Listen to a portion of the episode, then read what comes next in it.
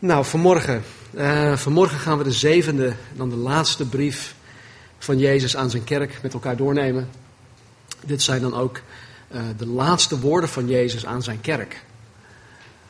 En de laatste woorden direct aan zijn kerk.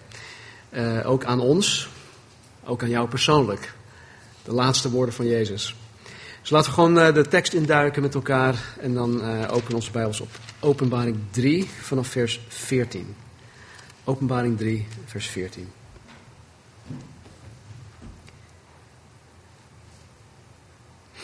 Er staat, een schrijf aan de engel van de gemeente in Laodicea. Dit zegt de Amen, de getrouwe en waarachtige getuige, het begin van Gods schepping.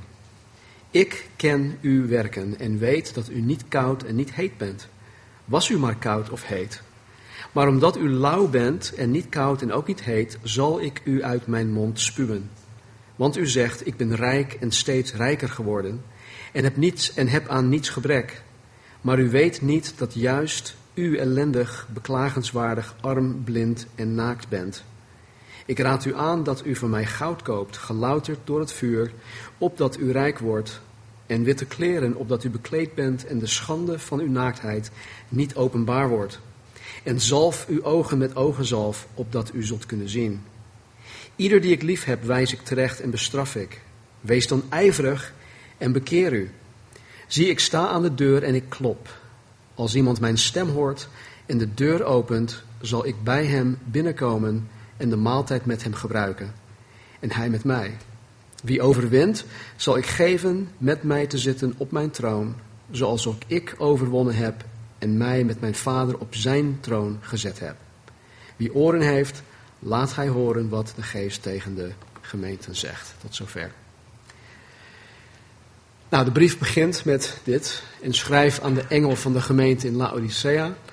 Dit zegt de Amen, de getrouwe en waarachtige getuige, het begin van Gods schepping.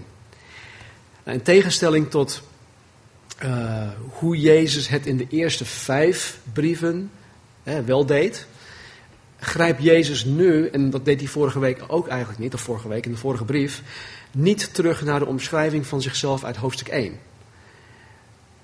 Hij benadrukt in deze opening of in deze introductie eh, hele andere eigenschappen van zichzelf, die niet uit hoofdstuk 1 komen. En de reden waarom hij dat doet, is, is dat deze kerk dat blijkbaar nodig had.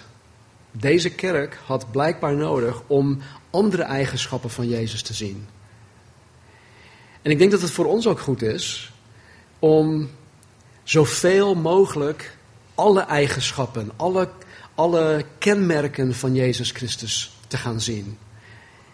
En daar ook op zoek naar te gaan, wie Hij daadwerkelijk is.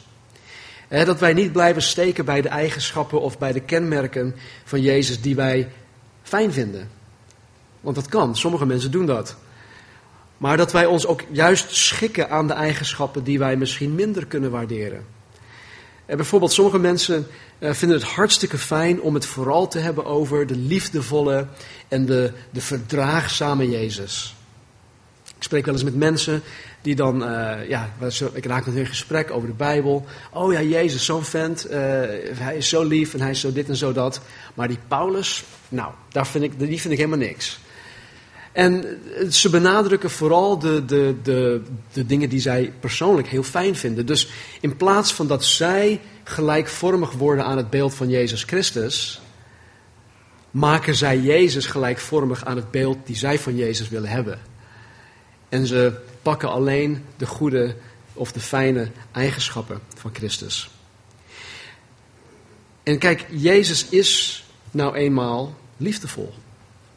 Dat is hij. Hij is verdraagzaam. Hij is geduldig. Maar hij is tegelijkertijd ook rechtvaardig. En doordat hij rechtvaardig is, betekent ook dat hij gewoon bepaalde maatregelen moet treffen om met onrechtvaardigheid, om met zonde om te gaan.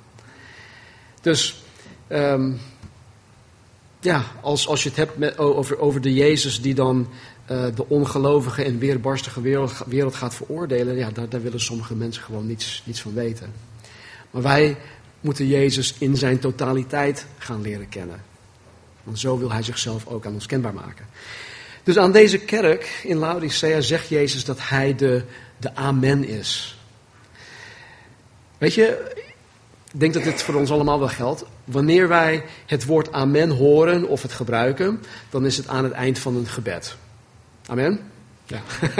of, of zo, hè, in die context. Hè, dat, dat, dat je eh, een bepaalde, ehm, ja, hoe zeg je dat? Een, uh, een goedkeuring vraagt.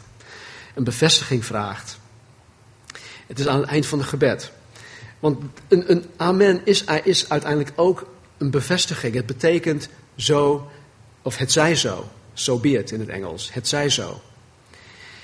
Het wordt zowel aan het einde van iets gezegd, maar het wordt ook aan het begin van iets gezegd dat gezegd gaat worden. Bijvoorbeeld, dit weten jullie vast wel.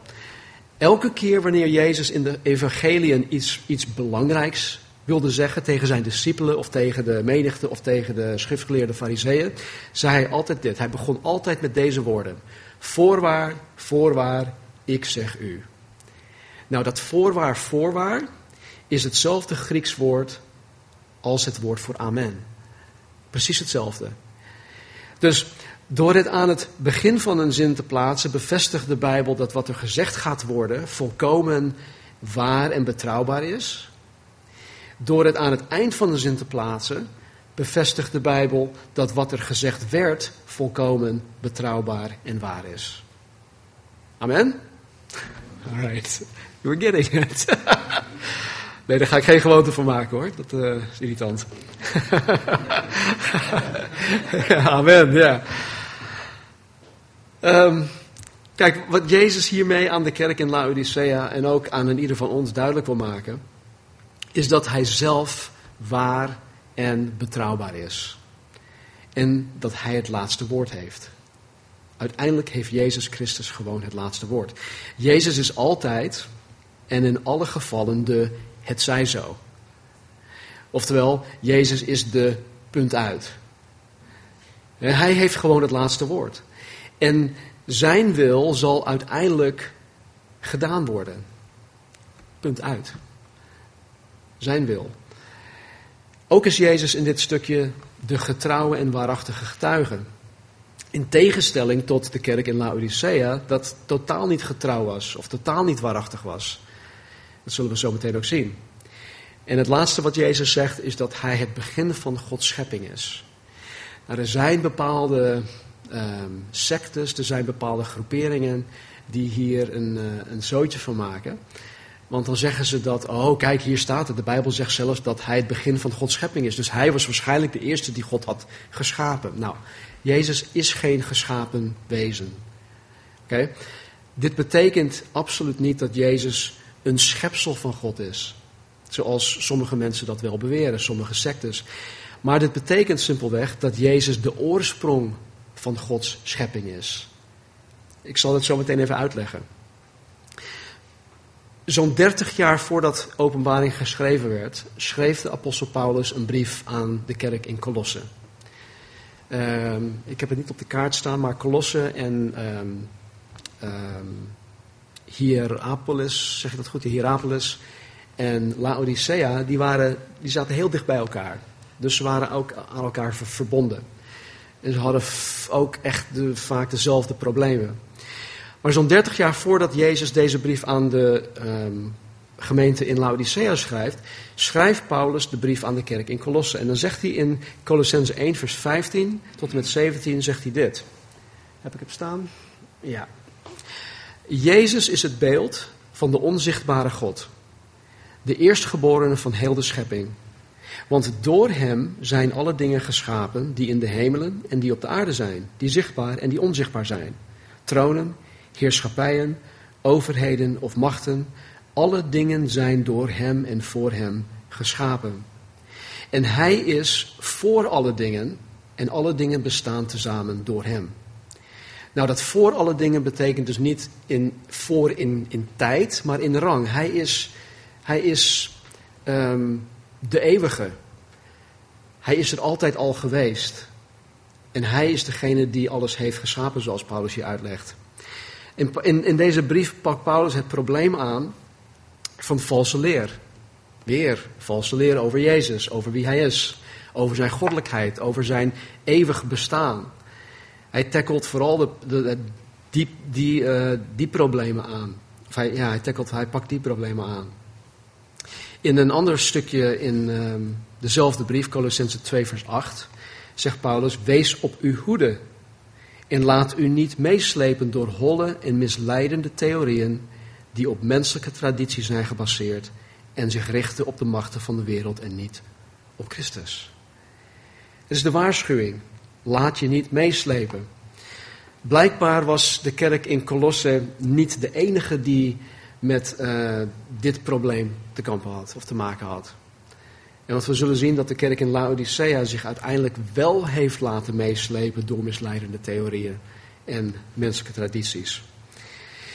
Nou, hij zegt in uh, vers 15: Ik ken uw werken en weet dat u niet koud bent en niet heet bent. Was u maar koud of heet. Dus de Amen, die het laatste woord heeft, de punt uit. De getrouwe getuige die alleen de waarheid spreekt, de schepper van alles dat er is, zegt tegen deze kerk in Laodicea: Ik ken uw werken en weet dat u niet koud en niet heet bent. Jezus zegt: Hij kent en hij weet. In tegenstelling tot wat hij zometeen tegen hun gaat zeggen: dat zij het niet weten. Uiteindelijk heeft Jezus niets goeds te zeggen over deze gemeente. Ik weet niet of jullie dat nog herinneren. Alle andere kerken heeft Jezus iets goeds te zeggen en vervolgens een vermaning. Behalve Philadelphia en Smyrna. En dan heeft hij, uh, hier zegt hij alleen, ik ken uw werken. En vervolgens zegt hij niks goeds over hen. De diagnose dat Jezus stelt is, is dat deze kerk lauw was. Lauw. Zoals we zo meteen zullen zien, was de stad Laodicea welvarend. Ze hadden heel veel geld. En dit bracht een mate van hoogmoed en trots met zich mee. En alhoewel zij veel geld hadden, had de stad een, een gigantisch groot probleem. Wat ze niet op konden lossen met al dat geld. De stad had geen eigen waterbron. Ze hadden geen eigen waterbron. Ze, moest, ze moesten water elders vandaan halen. En dat was 2000 jaar geleden nogal, ja, nogal lastig. In Hierapolis, dat is een stad die heel dichtbij lag, denk ik kilometer of 16, bevonden zich hete waterbronnen. Ik weet niet of jullie ooit in zo'n natuurlijke hete waterbron hebben gezeten. Ze hebben die in, uh, in Murrieta Hot Springs bijvoorbeeld, waar uh, we de Bijbelschool hebben hebben ze van die natuurlijke hete waterbronnen. En daar hebben ze hele mooie dingen van gemaakt, een soort van uh, jacuzzi-achtig iets, waar je in gewoon kan zitten. En dan ruik je ook een beetje dat zwavel, weet je, dat, dat, dat, uh, wat uit de, ja, uit de aarde komt. Maar dat soort dingen hadden zij dus ook in, in Hierapolis. Ze hadden hete waterbronnen die een zogenaamde genezende kracht hadden. In Colosse, daarentegen, bevonden zich ijskoude waterbronnen die de stad voorzag van heerlijk verfrissend water. Nou, omdat Laodicea of Laodicea geen eigen waterbron had, hadden zij dure aquaducten, of uh, hoe zeg je aquaducten toch, zeg, heet dat zo, aangelegd, die heet water vanuit Hierapolis naar de stad toevoerden en die koud water vanuit Colosse naar Laodicea brachten. Alleen was het zo dat tegen de tijd dat het heet water Laodicea bereikt had, het niet meer heet was. Maar het was lauw. En hetzelfde gold voor het, voor het koude water uit Colosse. Tegen de tijd dat het koude, verfrissende water uit Colosse helemaal naar Laodicea kwam, was het ook lauw geworden. En daarnaast kampten ze nog met een ander probleem. En dat was dan het materiaal waarvan de aqueducten gemaakt waren. Dit zorgde ervoor dat het verontreinigd werd. Hoge kalkgehalte en het gaf, gaf een vieze smaak. Het was vervuild. Kortom, het water in Laodicea was gewoon walgelijk. Ze konden er niks mee. En Jezus speelt dus in op deze situatie, in deze stad. En kijk, wij, wij zijn dat ook. Hè. liefst hebben mensen gewoon of heet water. Ik ken twee mensen, twee vrouwen in de zaal die gewoon uh, heet water drinken. Niet eens met een theezakje erbij of met iets anders.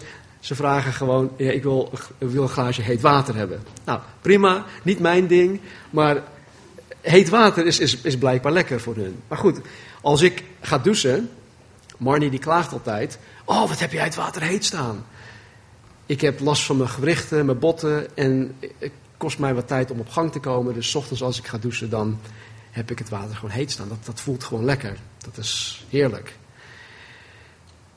Op zo'n hete dag, die wij in de zomer kunnen hebben hier in Nederland, is het gewoon fijn om ijskoud water te hebben. En daarom hebben we ook zo'n kanding, die zetten we dan ook in de koelkast. Dan hebben we gewoon heerlijk verfrissend koud water. Vooral nog steeds in uh, Californië, waar het 50 graden is, uh, wordt, um, is koud water gewoon heel erg lekker.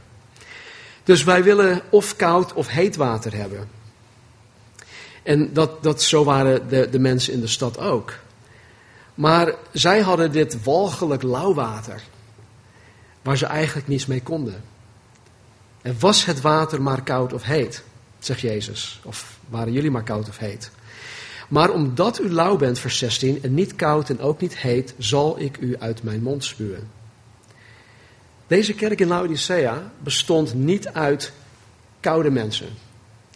Dat wil zeggen, mensen die verkild zijn jegens Jezus. Mensen die niets met Jezus Christus of met God of met de Bijbel of met het christendom of met de kerk te maken willen hebben. Jezus zegt, was u maar koud.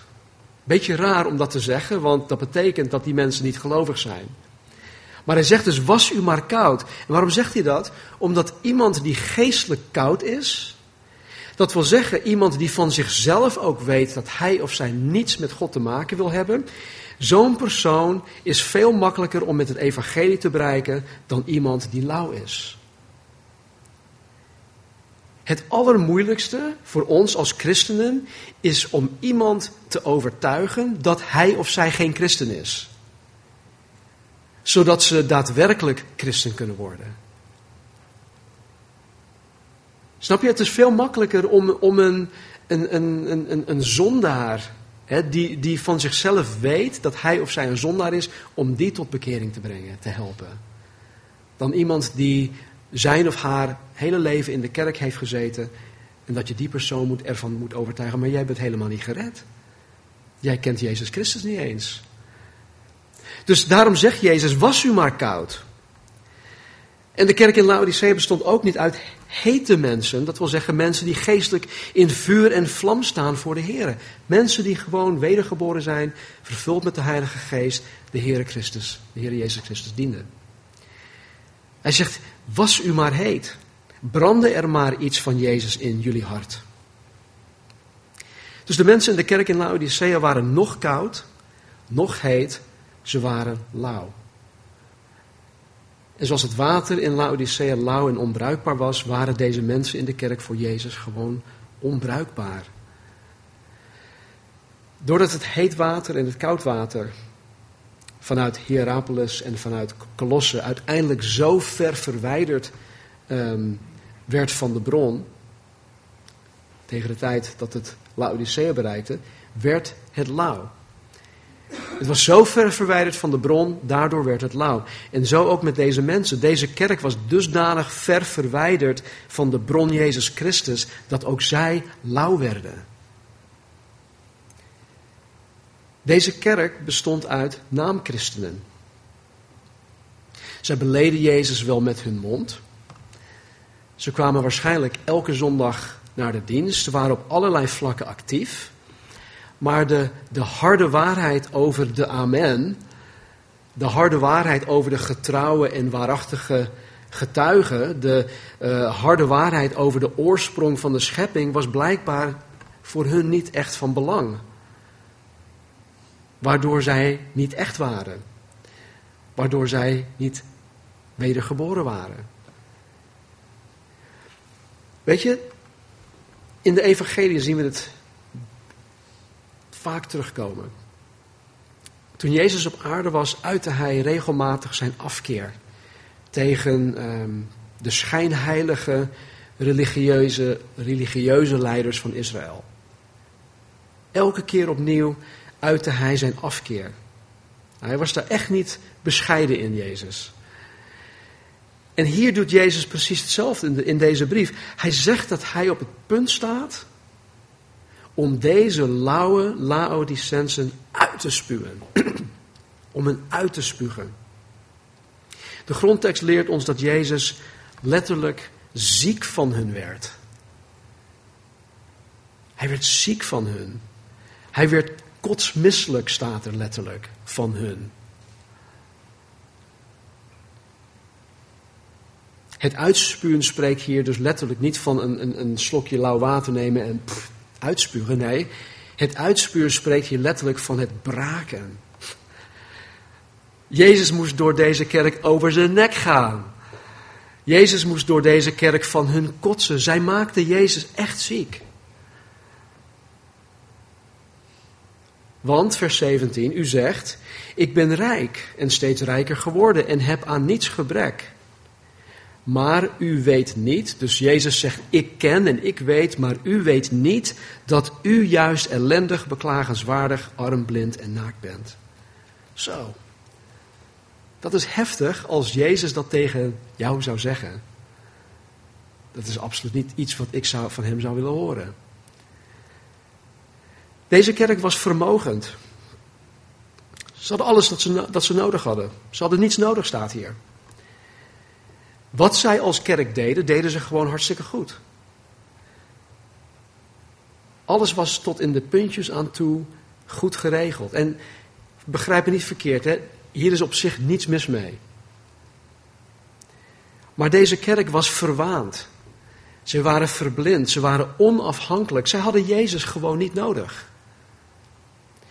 Ik heb wel eens gezegd uh, tegen, tegen jullie dat ik me wel eens afvraag hoeveel van de dingen die wij als kerk doen nog steeds door zullen gaan als de Heilige Geest zegt, weet je, ik ga even een weekje op vakantie. Hoeveel van de dingen die wij doen blijven gewoon doorgaan? Het zijn die dingen die wij dus uit eigen kracht doen. En dat is precies het geval in Laodicea. Zij deden alles uit eigen kracht. Ze hadden Jezus niet nodig. Sterker nog, in vers 20 staat dat Jezus buiten de kerk staat. Hij was niet eens binnen. Hij was niet eens aanwezig. Jezus zei in vers 15: Ik ken en ik weet. Maar hier staat dat deze kerk juist niet weet. Deze kerk weet niet dat zij ellendig, beklagenswaardig, arm, blind en naakt zijn. Doordat zij zo ver verwijderd waren van de bron Jezus Christus, zagen zij niet met geestelijke ogen. Ze konden niet zien, ze waren verblind. Ze waren niet in staat om geestelijke waarheden waar te nemen. Waardoor zij totaal niet doorhadden hoe ellendig en hoe zielig zij daadwerkelijk waren. Ze waren echt zielig, zegt Jezus. Voor de echte rijkdommen, de echte rijkdommen in Christus, waar Paulus ook over schrijft, eh, alle uh, zegenen in de hemelse gewesten, alles wat in Efeze hoofdstuk 1 staat, eigenlijk 1, 2 en 3. Ze waren verblind voor al deze dingen. Ze hadden daar geen oog voor. Ze waren geestelijk afgestompt. Weet je, het, geest, het, Grieks woord voor ellendig is een afgeleide van het woord eelt. Jullie weten toch wat eelt is? Als je, als je gitarist bent, dan heb je eelt op je vingertoppen. Als je, een, uh, als je met je handen werkt, nou, dan weet je ook wat, wat eelt is. Peter, Peter, wakker worden. Je weet wat eelt is. Peter weet alle, uh, zijn handen die zijn vol met eelt. En eelt, eelt heeft geen gevoel. als je eelt op je, op je vingers hebt, nou, als, ik weet als ik dat heb, dan zit ik eraan te, te, te peuteren en zo. En dat, je kan het gewoon eraf trekken. En ja, het heeft geen gevoel. Sommige mensen die bijten het van hun vingers af. maar het heeft dus geen gevoel. Eelt heeft geen gevoel. En zo ook was deze kerk gevoelloos voor het werk van de Heilige Geest. En Jezus prikt gewoon door alle uiterlijkheden heen. Ja, ze hadden een hoop geld, maar Jezus achter hun arm, blind en naakt. Vers 18, ik raad u aan dat u van mij goud koopt, gelouterd door het vuur, opdat u rijk wordt en witte kleren, opdat u bekleed bent en de schande van uw naaktheid niet openbaar wordt. En zalf uw ogen met ogenzalf, opdat u zult kunnen zien. Weet je wat ik zo mooi vind hè, hier? Ondanks dat deze kerk Jezus kotsmisselijk maakte, zien wij zijn genade aan het werk in deze brief. Hij biedt hun alsnog zijn raad aan. Hoe vaak hebben wij niet, als wij ziek van mensen zijn, dat wij een aantal stappen terug doen en zeggen: Weet je wat? Ik ben er klaar mee. Ik ben klaar met jou. Zoek het maar uit. Dat zien we Jezus hier niet doen. Hij had alle recht om te zeggen: Weet je, ik ben klaar met jullie. Zoek het maar uit. Nee, hij biedt hun nog steeds zijn raad aan. Wat een genade. Hij biedt hun zijn raad aan en zegt dat zij de ware rijkdom bij hem moeten gaan zoeken. Dat, dat, dat, kopen, dat heeft niets met geld te maken. Het is gewoon, we moeten het bij hem halen. Als Marnie bijvoorbeeld uh, bij de Albert Heijn is en uh, dan belt ze me op of stuurt me een berichtje. Heb je nog iets nodig? Oh ja, schat, wil je een pak melk voor me halen? Ik zeg niet per se, wil je een pak melk voor mij kopen? Halen, kopen, synoniem. Precies hetzelfde. We moeten het bij Jezus zoeken. We moeten het bij hem halen. In Jesaja staat iets moois. Het is allemaal mooi. Maar in Jesaja staat iets moois. Even kijken hoor. Ja, dit zegt de Heer. Heb je dorst? Kom toch bij mij. Hier is water.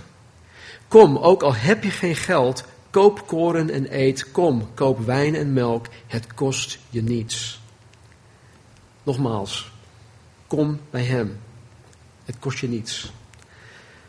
Laodicea stond bekend voor haar winstgevende banken, onder andere.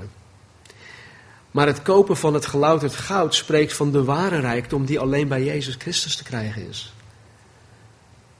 Er is geen andere rijkdom buiten de rijkdom die bij Jezus te vinden is. We worden daarin wel misleid door te denken dat als we veel geld hebben, hè, dat we, of als we heel veel geld op de bankrekening hebben staan, of als we geïnvesteerd hebben en dat het goed gaat met de economie, dat dat allemaal goed is. Maar dat is allemaal schijn, het is allemaal nep, het is, het is niet echt. Jezus zegt dat wij moeten investeren in de eeuwigheid, waar geen mot en geen roest het zal verwoesten. De eeuwige rijkdommen. 1 Petrus 1 vers 7 spreekt van het echte geloof in Jezus Christus dat kostbaarder is dan vergankelijk goud. Zo staat het er letterlijk. Het echt geloof in Jezus Christus, zegt de Bijbel, is kostbaarder dan vergankelijk goud. Doet me denken aan een, uh, een grapje. Iemand die was rijk, die kwam op latere leeftijd op, uh, ja, tot geloof. En die dacht van, weet je, ik, ik, misschien als ik de kans krijg, dan neem ik ja, mijn, mijn bezittingen met me mee. Dus hij had wat goudstaafjes met zich meegebracht. Kwam bij de hemelpoort. En hij zag natuurlijk, zag die Petrus daar staan. En Petrus zegt, joh, wat, wat heb je dan meegenomen? Waarom heb je asfalt meegenomen? Asfalt, dit zijn staven goud. Ja, kijk dan. Straten van goud, anyway. Um,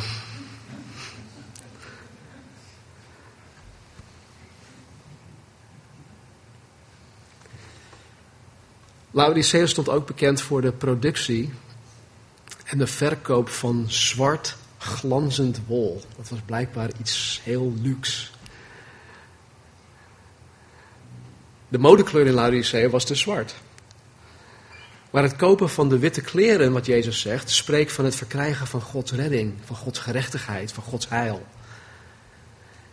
Jezus zet Gods redding, de witte kleren, tegenover de schande van hun naaktheid en dat spreekt van hun verlorenheid. Dus kom en word gered. Koop bij mij die redding. Kom naar mij toe, haal het bij mij. En het laatste wat Jezus hier noemt is ogenzalf. Dat is ook wel mooi. Laodicea stond ook bekend voor een medische opleiding, medische school, uh, medische uitvindingen en dat soort dingen. En ze hadden daar ook een bepaalde ogenzalf gemaakt. En dat scheen dan genezende krachten te hebben. Maar ook deze ogenzalf was krachteloos om tegen de geestelijke blindheid van de kerk in Laodicea in te gaan. Ze konden daar niks mee. Alleen de zalving van de Heilige Geest kan de mens geestelijke ogen geven, waardoor de mens echt kan zien. En daarom nodigt Jezus hen ook uit. Koop bij mij die ogenzalf, zodat je echt kan zien. Ieder die ik lief heb, vers 19, wijs ik terecht en bestraf ik. Wees dan ijverig en bekeer u. Nogmaals, ondanks dat deze kerk Jezus ziek maakte, heeft Jezus hen lief. Heeft hij hen lief. En hij roept hun op om zich te bekeren. Ik weet niet of het veel uitmaakt, maar veelal wanneer de Bijbel spreekt over Gods liefde voor de mens, dan gebruikt de Bijbel het Grieks woord agape. Wat betekent onvoorwaardelijke liefde. In dit geval gebruikt Jezus een ander woord, dat is phileo, en dat betekent broederliefde. Vandaar ook de, de naam Philadelphia, weet je nog? Philadelphus, die zijn broer lief had. Anyway. Philadelphia, dus de phileo-liefde is een broederlijke liefde. Het is een liefde voor mensen die je graag mag. Die uh, in het Engels, you like them. En we, kunnen het wel zo zien dat, oké, God moet ons wel lief hebben, want Hij is liefde. Maar het is wel gaaf dat hij, dat hij, ook, dat hij mij ook mag. He likes me. En dat zegt hij als het ware tegen deze Laodiceërs. Jongens, jullie maken me zo ziek, maar ik mag je toch. En omdat ik je mag, omdat ik van je houd op deze manier, roep ik je nu op om je te bekeren. Het terechtwijzen dat Jezus doet, dat is een proces. En dat, dat, dat neemt allerlei verschillende vormen aan. Maar het is een proces waarin Jezus dus van alles gebruikt om een lauw persoon voor zichzelf te winnen. Want dat is het doel. Jezus wil mensen voor zichzelf winnen. Zodat hij heel veel aan hun kan geven. Dat heb ik niet over materialisme, maar over de eeuwigheid, over de echte, ware rijkdommen. En hierin is, in dit proces is het mogelijk dat God, dat Jezus omstandigheden in ons leven gebruikt dat Hij ons in bepaalde situaties plaatst, die wij misschien helemaal niet leuk vinden. En Hij doet dat om ons aandacht te krijgen. Kijk, we zijn, mensen, we zijn mensen. En mensen van vlees en bloed, als het nou eenmaal goed gaat, dan hebben we God gewoon minder nodig, minder hard nodig. Of soms helemaal niet nodig, zoals het hier, hier in de Laodicea het geval was. En soms laat God bepaalde dingen in ons leven toe, zodat hij ons aandacht kan krijgen. Van hallo, ik ben er nog. En op het moment dat wij dan in de, de puin zitten, wie is het eerste waar wij naartoe kijken? Naar God. Oh God, help me alsjeblieft. Het is mens eigen dat wij God als een soort van verbanddoosje gebruiken. Op het moment dat we pijn hebben, dan gaan we naar God toe. Oh, verbanddoosje open, even pleister erop. Nou goed, nou, we kunnen weer verder gaan. Weet je, en, en dat is hier ook het geval. Maar God gebruikt juist die dingen om ons aandacht te krijgen. In dit proces is het ook mogelijk dat Hij negatieve dingen, negatieve zaken, negatieve mensen uit ons leven verwijdert. Ik ben heel wat mensen kwijtgeraakt door de jaren heen. En dan is het um, soms wel zo, oké, nou ja, oké, wel jammer van die, jammer van die, maar ja, bij sommigen is het helemaal niet jammer. En want sommige mensen hebben een dusdanig negatief invloed op mij of op jullie als persoon, als christen, dat je die liever kwijt bent dan rijk. En Jezus laat deze dingen toe. Soms haalt Hij ons ook gewoon uit bepaalde situaties. Meestal laat Jezus in dit proces niets in ons leven lukken. En met andere woorden, als je je eigen ding blijft doen, als je blijft volharden in het doordrammen van je eigen wil en je eigen ding te willen blijven doen, dan zal het gewoon fout blijven gaan. Zijn zegen rust daar niet op. Gods zegen rust niet op het werk van jouw vlees.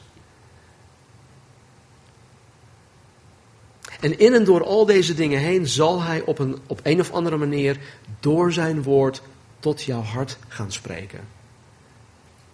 En hij doet dat of door een preek, door middel van een preek, of hij doet dat door middel van een persoon of iets anders of iets dat je leest. God blijft proberen om jou te bereiken. Het bestraffen dat Jezus doet is vaak uh, het opvoeden of het trainen van zo'n lauw persoon. En ook hierin zal Jezus op een of andere manier zijn woord tot je spreken. In 2 Timotheus 3:16 staat: Heel de schrift is door God ingegeven. Er staat letterlijk dat het door God ingeblazen is in de schrijvers. En het is nuttig om daarmee te onderwijzen. Het is nuttig om te weerleggen. Het is nuttig om te verbeteren. En het is nuttig om op te voeden in de rechtvaardigheid. En God, Jezus, de Heilige Geest, zal altijd zijn woord gebruiken om ons terecht te wijzen. En gelukkig geeft Hij het niet gauw op. Hij zal de lauwe blijven trachten te bereiken om hem of haar uiteindelijk tot bekering te brengen. Wees dan ijverig en bekeer u, zegt Jezus. Geestelijk lauwe mensen kunnen voor veel dingen ijverig zijn. Wist je dat? Geestelijk lauwe mensen kunnen voor, voor heel veel dingen ijverig zijn, behalve Jezus en, voor, en zijn woord. Af toe gooi ik de vraag ook in de groep, hoef je niet te antwoorden. Maar waarvoor kunnen wij jou wakker maken? Waarvoor kunnen wij jou het bed uitkrijgen? En dat je zelfs voor je wekker opstaat. Dat is waar jij ijverig voor bent. En nu zegt Jezus, wees ijverig voor Hem. Bekeer je tot Hem. En zoals we zo meteen zullen zien, is het niet iets wat Hij bij jou kan opleggen of bij jou kan, kan opdringen of aandringen. Nee, je moet het zelf willen. Je moet het zelf willen. En in, in, in dat opzicht zegt, ben ik mijn eigen grootste vijand. Vaak wil ik het niet. Of heb ik geen zin. Het geen zin hebben is, is vaak zo vervelend.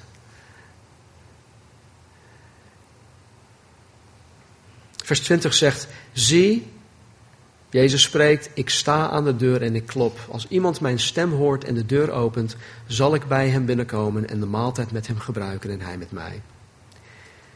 Jezus staat buiten de kerk. Hij staat buiten de kerk. Hij heeft in deze kerk geen plaats gekregen.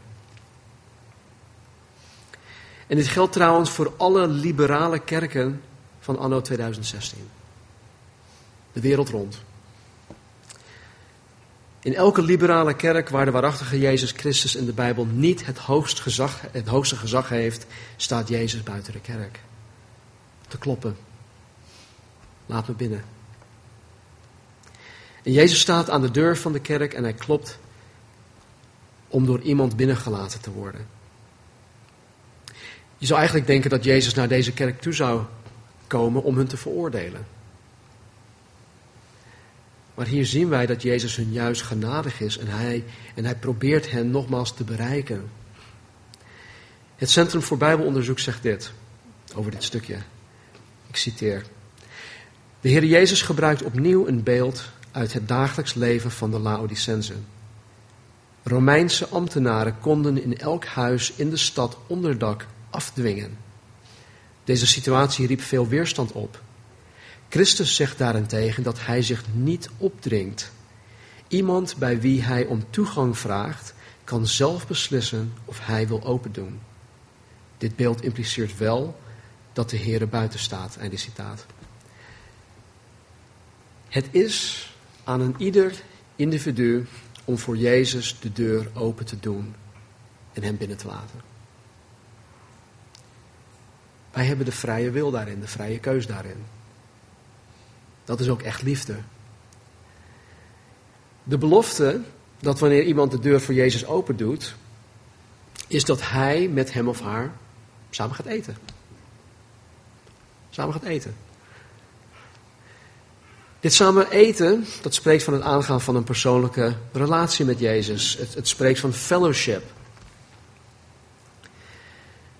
Het is jammer dat we het woord gemeenschap niet echt meer kunnen gebruiken, want dat, ja, dat werd door de, wereld, is door de wereld, zoals Mar, eh, Marcel zei van de week, gemeenschap, dat is een prachtig woord, maar het is door de wereld gekaapt. En dat heeft nu een hele andere betekenis, dus laten we gewoon fellowship gebruiken. Het spreekt van fellowship met Jezus, waarin Jezus Christus centraal staat en waarin Jezus eigenlijk onze voedingbron is. Wij voeden ons aan Hem. Weet u nog in hoofdstuk 6 van Johannes, van het Johannes-evangelie? Jezus heeft net 5000 mannen gevoed. Met twee vissen en vijf broden. Of ze waren twee broden, vijf vissen. Nee, anyway. Met weinig eten. 5000 mannen. Dus niet de vrouwen, de kinderen erbij uh, mee opgeteld. Deze hele menigte die volgt Jezus. En dan legt Jezus ineens de lat een stukje hoger.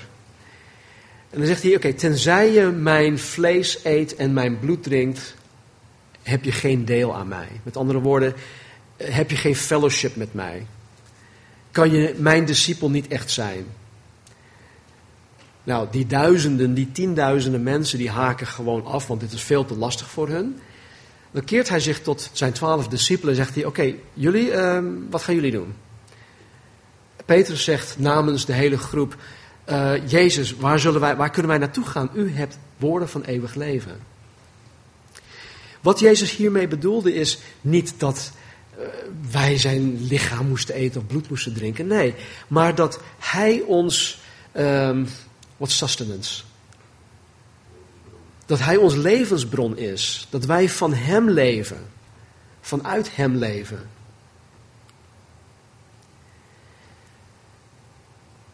Dus het eten spreekt van het aangaan van een persoonlijke relatie met Hem. Uh, toen Jezus en zijn discipelen door Samaria heen reisden, kwamen ze op een gegeven moment bij de stad Sigar. Jezus was dood op van de reis. Hij bleef bij de bron, de waterbron zitten. Hij stuurde zijn discipelen de stad in, waar ze wat broodjes gingen halen. En hij raakte daar in gesprek met een vrouw. Het was een boeiend gesprek. Deze vrouw kwam uiteindelijk tot geloof in Jezus. Toen de discipelen terugkwamen met het eten, boden zij Jezus het eten aan. Van Heer, eet uw broodje. Hij weigerde het aan te nemen. Dus die discipelen vroegen zich af. Uh, heeft iemand anders misschien wat broodjes aan, aan Jezus gegeven? Maar Jezus zei dit tegen hun. Hij zegt: Mijn voedsel is dat ik de wil doe van Hem die mij gezonden heeft en zijn werk volbreng. Mijn voedsel is dat ik de wil doe van Hem, dus God de Vader die mij gezonden heeft en zijn werk volbreng. Met andere woorden, de fellowship die Jezus met God de Vader heeft, is zijn lust in zijn leven. En wanneer wij Jezus binnenlaten om met Hem op dat niveau fellowship aan te gaan, zal dat ook ons lust en leven worden. Om de wil van Jezus Christus te doen, om Zijn werk in en door ons leven heen te volbrengen. Snap je dus die uitnodiging om, om die deur open te trekken, om Jezus binnen te laten, is niet alleen uh, oude jongens krentenbrood, het wordt gezellig met Jezus lekker aan tafel. Nee, het heeft te maken met intieme fellowship met elkaar, zodat Hij door ons leven heen zijn werk naar de wereld toe en in de kerk kan blijven verrichten. Het heeft consequenties. Eeuwige consequenties voor ons. Wij zijn met eeuwigheid, met de eeuwige dingen bezig. Niet met tijdelijke dingen. Alles wat wij hier op aarde doen, wat geen eeuwigheidswaarde heeft, dat zal gewoon ophouden te bestaan. Maar alles dat wij in die fellowship, in die relatie met Jezus Christus doen, zal voor eeuwig blijven bestaan. En zo investeren wij ook in de eeuwigheid. Wie overwint, vers 21, zal ik geven met mij te zitten op mijn troon, zoals, ik over, zoals ook ik overwonnen heb en mij met mijn vader op zijn, ah, zijn troon gezet heb. Sorry. Door de overwinning aan het kruis en de opstanding uit de dood deelt Jezus de troon en de glorie van God de Vader. Op meerdere plekken in de Bijbel, in het Nieuw Testament, staat dat hij naast de Vader zit. Getroond naast zijn Vader. Nou, op het moment dat Jezus tijdens het duizendjarig rijk zijn troon hier op aarde zal vestigen, zullen allen die overwinnen, dat wil zeggen allen die echt in Jezus geloven, samen met Jezus hier op aarde voor duizend jaar gaan regeren. Hoe dat er precies uit gaat zien, weet ik niet. Maar we zullen vervolgens daarna voor eeuwig in zijn koninkrijk zijn. En weet je, dit is zo ontzettend mooi. Vooral omdat hij tegen deze groep mensen zegt. Degene die Jezus kotsmisselijk maakt. Die hij uit zijn mond zal spuwen. Die krijgen hier de uitnodiging om met hem voor eeuwig te gaan regeren. Weet je, soms word ik door mijn eigen doen en laten gewoon ziek van mezelf. En het is niet dat ik hele grove zonden doe of dat ik, uh, weet je, rare dingen doe, maar dingen van, van mijn eigen hart. Zonde in mijn hart. Het heeft met houdingen te maken. Het heeft met dingen te maken hoe ik op bepaalde situaties reageer. Het heeft met dingen te maken hoe ik op mijn vrouw reageer of op mijn kinderen of mijn kleinkinderen. Dat soort zaken. En soms word ik gewoon ziek van mezelf. En soms walg ik ook van mezelf. En dan vraag ik, gewoon, vraag ik me ook, ook gewoon af waarom God überhaupt nog steeds met mij wil omgaan. Waarom God überhaupt mij nog steeds zo liefdevol en zo genadig benadert en, en zegt van joh Stan kom op, we gaan verder. En soms voel ik me gewoon ook lauw worden in bepaalde dingen, in mijn toewijding aan Christus. En gelukkig houdt Jezus mij heel kort. Eh, hij laat mij niet wegkomen met, met het lauw zijn. En dat is ook iets wat, wat, wat ik bijna dagelijks aan God vraag. Heere, hou mij alsjeblieft kort. Laat mij nergens mee wegkomen.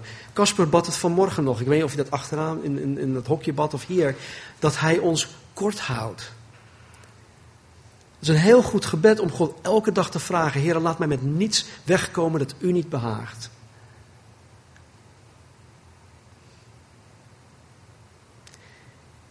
God heeft onder andere Marnie ook aan mij gegeven. Ook anderen die mij weten aan te spreken. Dat is ook een manier om mij kort te houden. Weet je, dat waardeer ik. Ik, ik. ik waardeer dat mensen mij durven aan te spreken. Die mensen hebben wij allemaal nodig. Dus hoe zit het vanmorgen met jou? Die sluit ik mee af. Hoe zit het met, vanmorgen met jou? Ben je koud?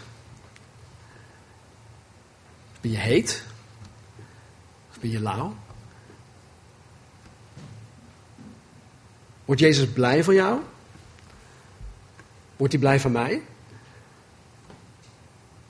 Of wordt hij ziek van jou? Wordt hij ziek van mij? Waar staat Jezus in jouw leven? Heb je intieme fellowship met Jezus of staat hij buiten ergens te kloppen? Hallo? Ben er nog? Hallo? Op welke gebieden in je leven heb je Jezus nog geen toegang gegeven? Want dat kan ook. we, hebben dat lied, we hebben vanmorgen niet gezongen, maar het is een prachtig lied. I surrender all, I surrender all. En dan zingen we dat. En dan moet ik altijd bij denken van, oh, meen ik dat nou echt? Heb ik echt alles aan Hem overgegeven? Heb ik ook echt elke deur van mijn leven voor Hem geopend om Hem toegang te geven, zodat Hij de boel kan opruimen? Of heb ik nog hier en daar wat geheime deurtjes in mijn leven? Een dubbele wand misschien, of zo'n panic room ergens, waarin ik me terugtrek. In hoeverre is Jezus Christus jouw lust in jouw leven? Kunnen we jou voor de dingen van de Heer wakker maken? Of zijn er andere dingen in je leven die voor jou belangrijker zijn? Weet je, zolang je adem in je longen hebt, is de uitnodiging van Jezus geldig. Het is de zaak dat je de uitnodiging van Jezus aanvaardt. Voordat je je laatste adem hier op aarde uitblaast. Wie oren heeft, laat hij horen wat de geest tegen de gemeenten zegt. Met andere woorden, laat de woorden van de Heilige Geest aan de gemeenten meervoudig goed tot je doordringen. Dus de woorden van de kerk aan Laodicea, de woorden van alle andere zes kerken, die gelden allemaal voor ons. Ondanks dat het zeven echte kerken waren, heeft Jezus expres deze zeven gekozen, omdat deze zeven de gehele kerk door de eeuwen heen vertegenwoordigen. En wij kunnen, wij kunnen ons allemaal vinden in de kerk van Efeze. We kunnen ons allemaal vinden in de kerk in Smyrna, in Philadelphia, in Pergamum, in al die andere kerken. We kunnen ons allemaal daarin vinden. En Jezus heeft tot ons door deze boodschappen heen gesproken.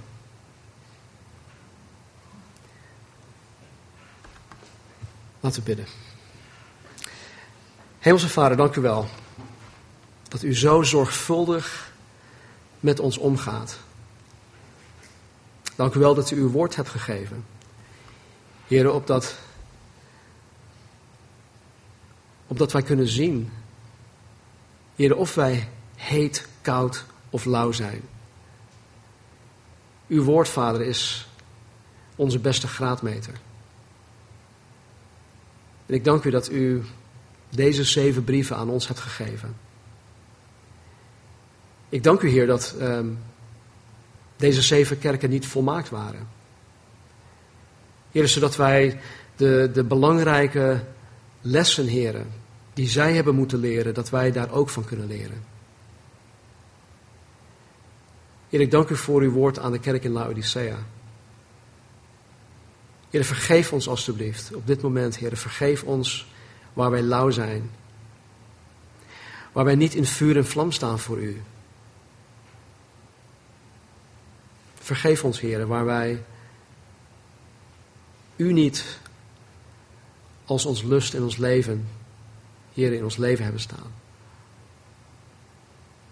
Vergeef ons, Heer, voor de dingen die wij in ons leven toelaten. Heer, voor de deuren die wij tot nu toe nog gesloten hebben staan. Vergeef ons voor het niet alles aan u overgegeven te hebben. Maar Heer, zoals u vandaag door uw woord hebt bewezen. Heer, als u zelfs met zo'n kerk, Heer, als Laodicea, die u ziek maakt, waarvan u kotsmisselijk werd.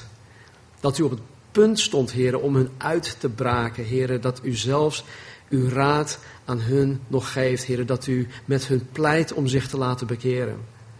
Dat u hun de belofte doet, Heer, dat zij met u zullen gaan regeren.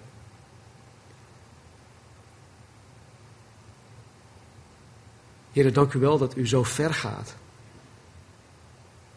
met dit soort mensen. Heer, ik weet dat van nature zijn wij geen haartje beter. Wees ons genadig. Open onze ogen, Heer. Zalf onze ogen opdat we de waarheid zien. Dat we onszelf in het licht van de waarheid zien. Opdat we U in het licht van de waarheid zien. Doe uw werk vandaag. Laat uw woord niet ledig tot u terugkeren, maar Heer, bereik uw doel hiermee. En verander ons. Zegen ons. Snoei ons. Breek de dingen af die afgebroken dienen te worden. Bouw de dingen op die opgebouwd dienen te worden. Laat onszelf steeds minder worden. Laat Jezus Christus steeds meer worden. Heer, omwille van uw naam. Alleen voor uw glorie. Dank u wel. Amen. Amen.